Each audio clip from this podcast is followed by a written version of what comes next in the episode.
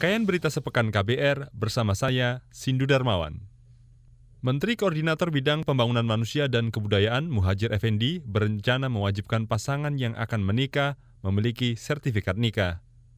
Menurutnya, sertifikat ini diperlukan untuk menekan risiko perceraian. Sertifikat tersebut akan menjadi bukti calon pengantin sudah memiliki berbagai kemampuan untuk menjalani pernikahan. Materi pelatihan akan disiapkan Kementerian Teknis yakni Kementerian Kesehatan dan Kementerian Perlindungan Perempuan dan Anak. Pelatihan dan sertifikat nikah akan diberikan secara gratis. Menurut Muhajir, konsep serupa sudah dijalankan secara informal oleh beberapa komunitas agama seperti pada agama Katolik. Bukan itu sudah ada kok, sudah selama ini sudah dilaksanakan, cuman akan kita lebih sempurnakan, melibatkan kementerian yang kita anggap relevan. Maksud saya sertifikat itu harus pastikan bahwa tiap calon pasangan pengantin muda, dia memang sudah dibekali pengetahuan dan pemahaman yang sangat cukup tentang itu. Itu tadi Menko PMK Muhajir Effendi. Sementara itu, Menteri Agama Fahrul Razi akan mengerahkan petugas kantor urusan agama KUA dan penyuluh di kementeriannya untuk menjadi mentor pranikah bagi pasangan yang hendak menikah. Fahrul mengatakan mentor akan menyampaikan materi pelatihan pranikah sebelum seseorang mendapat sertifikat layak nikah.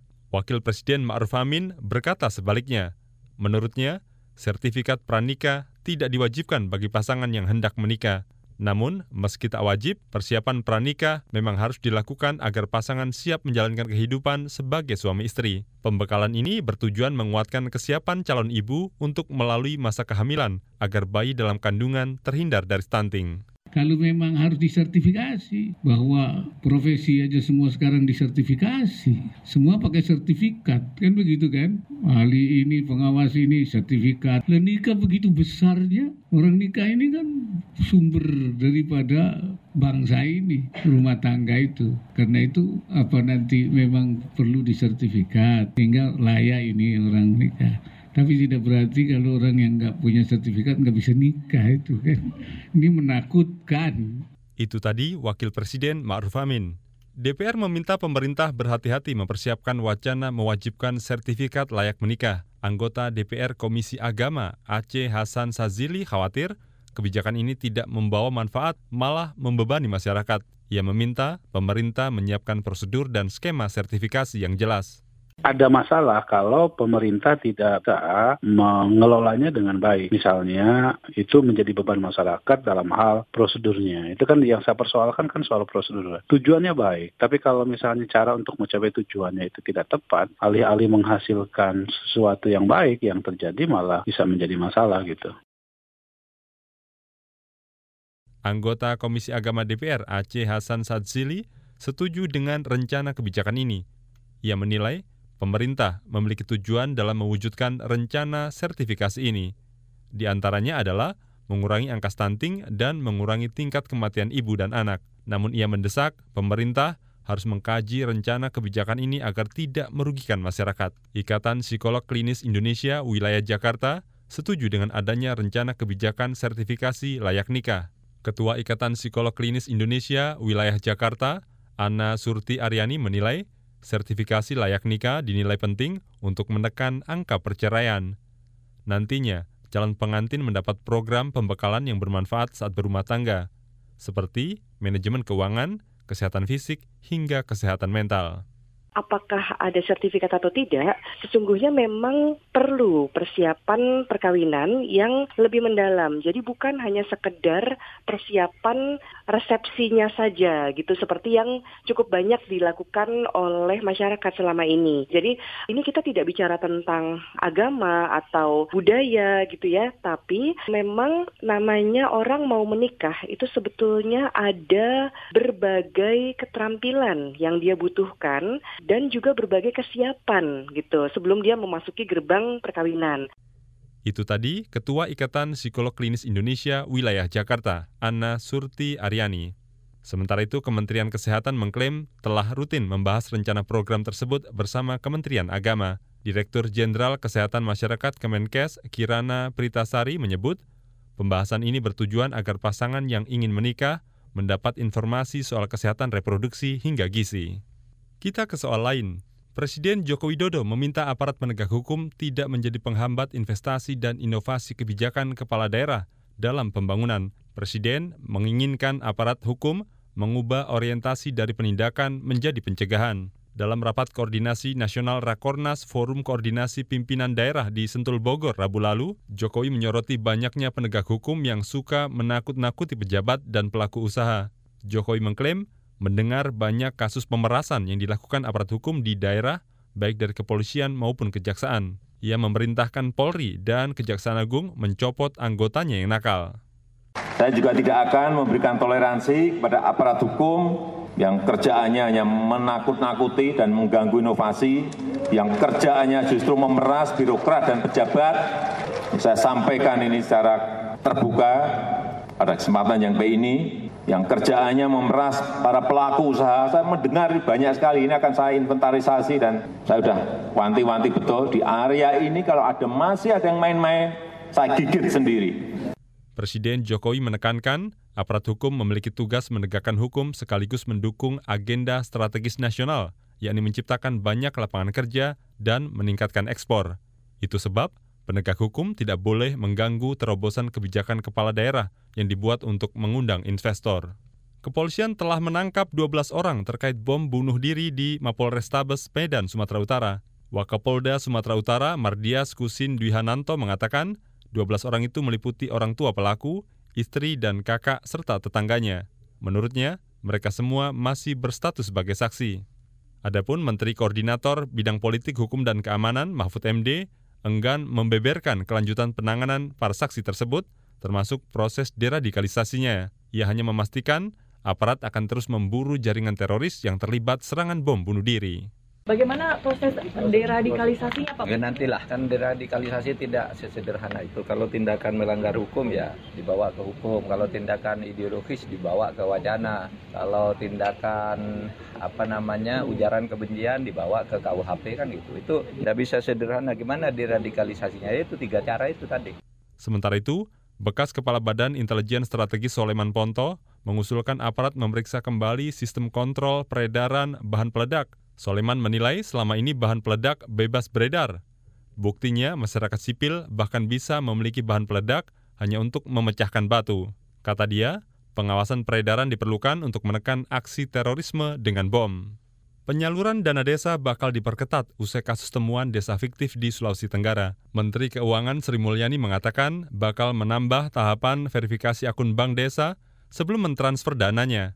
Ia yakin verifikasi ini bisa menghindari kecurangan sehingga penyaluran dana desa tepat sasaran.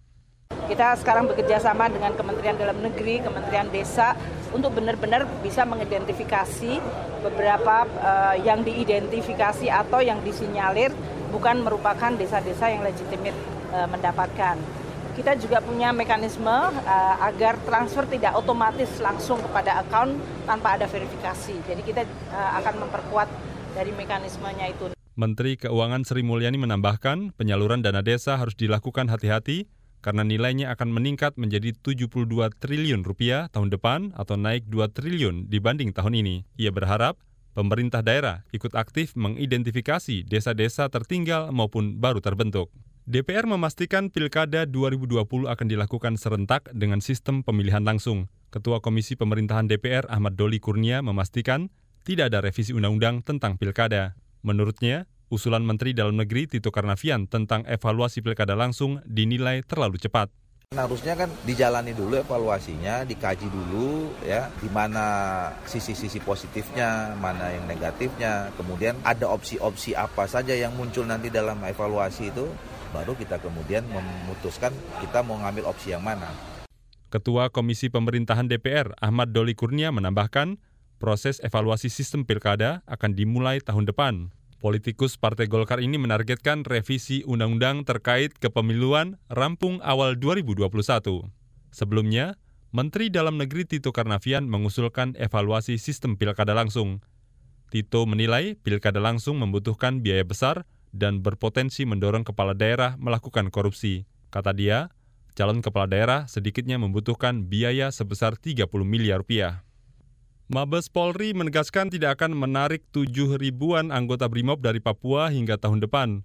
Wakil Komandan Korps Brimo Polri Abdul Rahman Baso mengatakan pasukan tidak akan ditarik sampai ada perintah dari Kapolri. Menurut Abdul, pasukan Brimob akan ada di Papua sampai PON 2020 dan baru akan ditarik ketika keadaan sudah kondusif. Sampai sekarang ini yang sudah tergelar di sana kurang lebih hampir 7 ribu ya.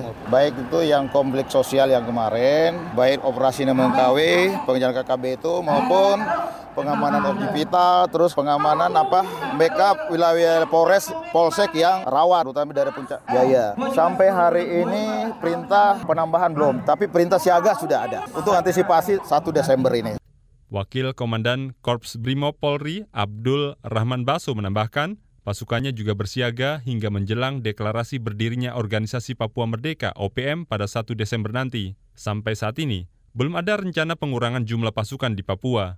Bahkan, Abdul masih menunggu perintah Kapolri terkait penambahan pasukan menjelang 1 Desember 2019 dan PON 2020.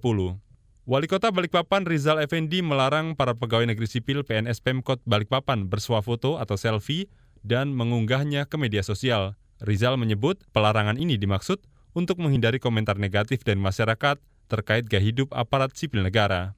Memajang foto harus ada konteksnya, saudara. Hati-hati yang terjadi dengan Satpol PP. Pembualan nggak bergaya di Singapura. Tapi orang tanya, dari mana nih Satpol punya uang sampai ke Singapura? Siapa yang kasih izin? Orang menilai, oh, hebat betul nih Satpolnya balik kapan sampai ke Singapura. Itu sudah luar negeri, walaupun cuma dekat cuma setengah jam satu jam. Dan orang ke Singapura itu pasti bawa uang banyak, belanja. Wali Kota Balikpapan Rizal Effendi mengingatkan kalangan PNS bijak menggunakan media sosial. Sebelumnya Rizal mengaku telah menegur petugas Satpol PP yang bersuah foto dan mengunggahnya ke media sosial. Kata dia, meski itu dilakukan di sela-sela kunjungan kerja di Batam, namun dampaknya menjadi perbincangan negatif di kalangan masyarakatnya. Berikutnya kita simak Saga KBR. Menurut Food Sustainability tahun 2016, Indonesia menempati peringkat kedua penghasil sampah makanan terbanyak di dunia. Setiap orang per tahunnya diperkirakan menghasilkan sisa sampah makanan sebanyak 300 kg. Jurnalis KBR Wahyu Setiawan mengajak Anda melihat bahaya dari limbah sisa makanan ini.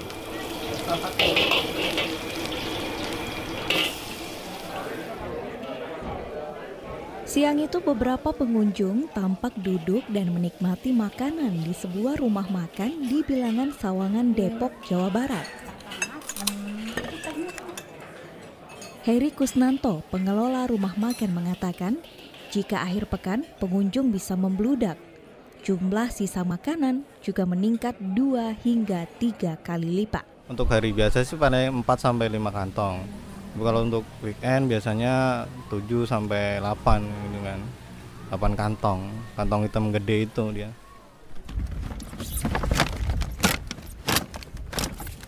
Harry lantas memutuskan bekerja sama dengan sebuah yayasan untuk mengangkut sisa sampah makanan. Untuk itu, ia rela merogoh kocek satu setengah juta setiap bulan. Ada pihak yang mengambil dari malah dia modelnya kayak model lingkungan atau dari yayasan malahan yang lola itu. Ani, salah seorang pengunjung mengaku jarang membungkus sisa makanan yang ia pesan. Alasannya, Selain tak praktis, ia tak ingin sisa makanan justru jadi sampah di rumahnya. Nah itu kalau menurut uh, aku sih kadang-kadang kalau kita makan terus sisanya sedikit terus harus bayar packaging lagi itu kan kayak enggak efektif banget gitu kan ya. Ujung-ujungnya di rumah belum tentu dimakan lagi kan. Nah itu yang bikin kita akhirnya ya udahlah daripada bayar lagi ya kita tinggalin gitu aja. Masalah limbah sisa makanan ini membuat Wisnu mengembangkan tani panen sebuah usaha sosial yang bergerak di bidang pengurangan food waste dan food loss. Menurut Wisnu, sumber masalah limbah makanan datang dari industri restoran dan rumah tangga. Sebenarnya mungkin malah yang lebih gede lagi uh, di tingkat hotel sih. Biasanya hotel lumayan gede karena emang uh, apa pengunjung mereka kan cukup terbatas. Biasanya, walaupun ada yang uh, apa konsumsi dan macam-macam, mereka biasanya tidak memake sure dan susah juga untuk memake sure dan memplan apa ya me merencanakan makanan mereka bisa pas dengan uh, kebutuhan. Salah satu mitra kerja tani panen adalah Asmil Basyaril Pengusaha di bidang pertanian ini kerap mengedukasi petani untuk tak menumpuk sisa panen yang tak layak dijual. Dalam dunia pertanian, hasil panen yang dari segi kualitas tak sempurna disebut dengan istilah food loss. Apa pun sayur buah yang dibuang itu, itu kalau dibedah mas, satu-satu di breakdown, itu berapa liter air, berapa luas tanah, berapa tenaga petani untuk numbuhin itu. Dengan gitu kami berharap konsumen lebih peka sih mas, lebih menyadari kalau bertanggung jawab sih dalam berbelanja, dalam memakan sesuatu. Nyatanya, limbah sisa makanan ini punya bahaya yang lebih besar daripada sekedar bau tak sedap dan mendatangkan penyakit. Co-founder Indonesian Energy and Environmental Institute Satya Hangga menjelaskan, dampak besar dari limbah makanan ini bisa menimbulkan pemanasan global. Sebenarnya dampaknya itu sangat negatif ya terhadap lingkungan hidup karena limbah makanan baik itu organik atau non organik yang udah kadaluarsa ataupun yang belum kadaluarsa kalau misalnya kita bakar limbah makanan itu atau mungkin tidak dibakar pada waktu itu terekspos dengan sinar matahari itu mengeluarkan yang namanya emisi gas rumah kaca.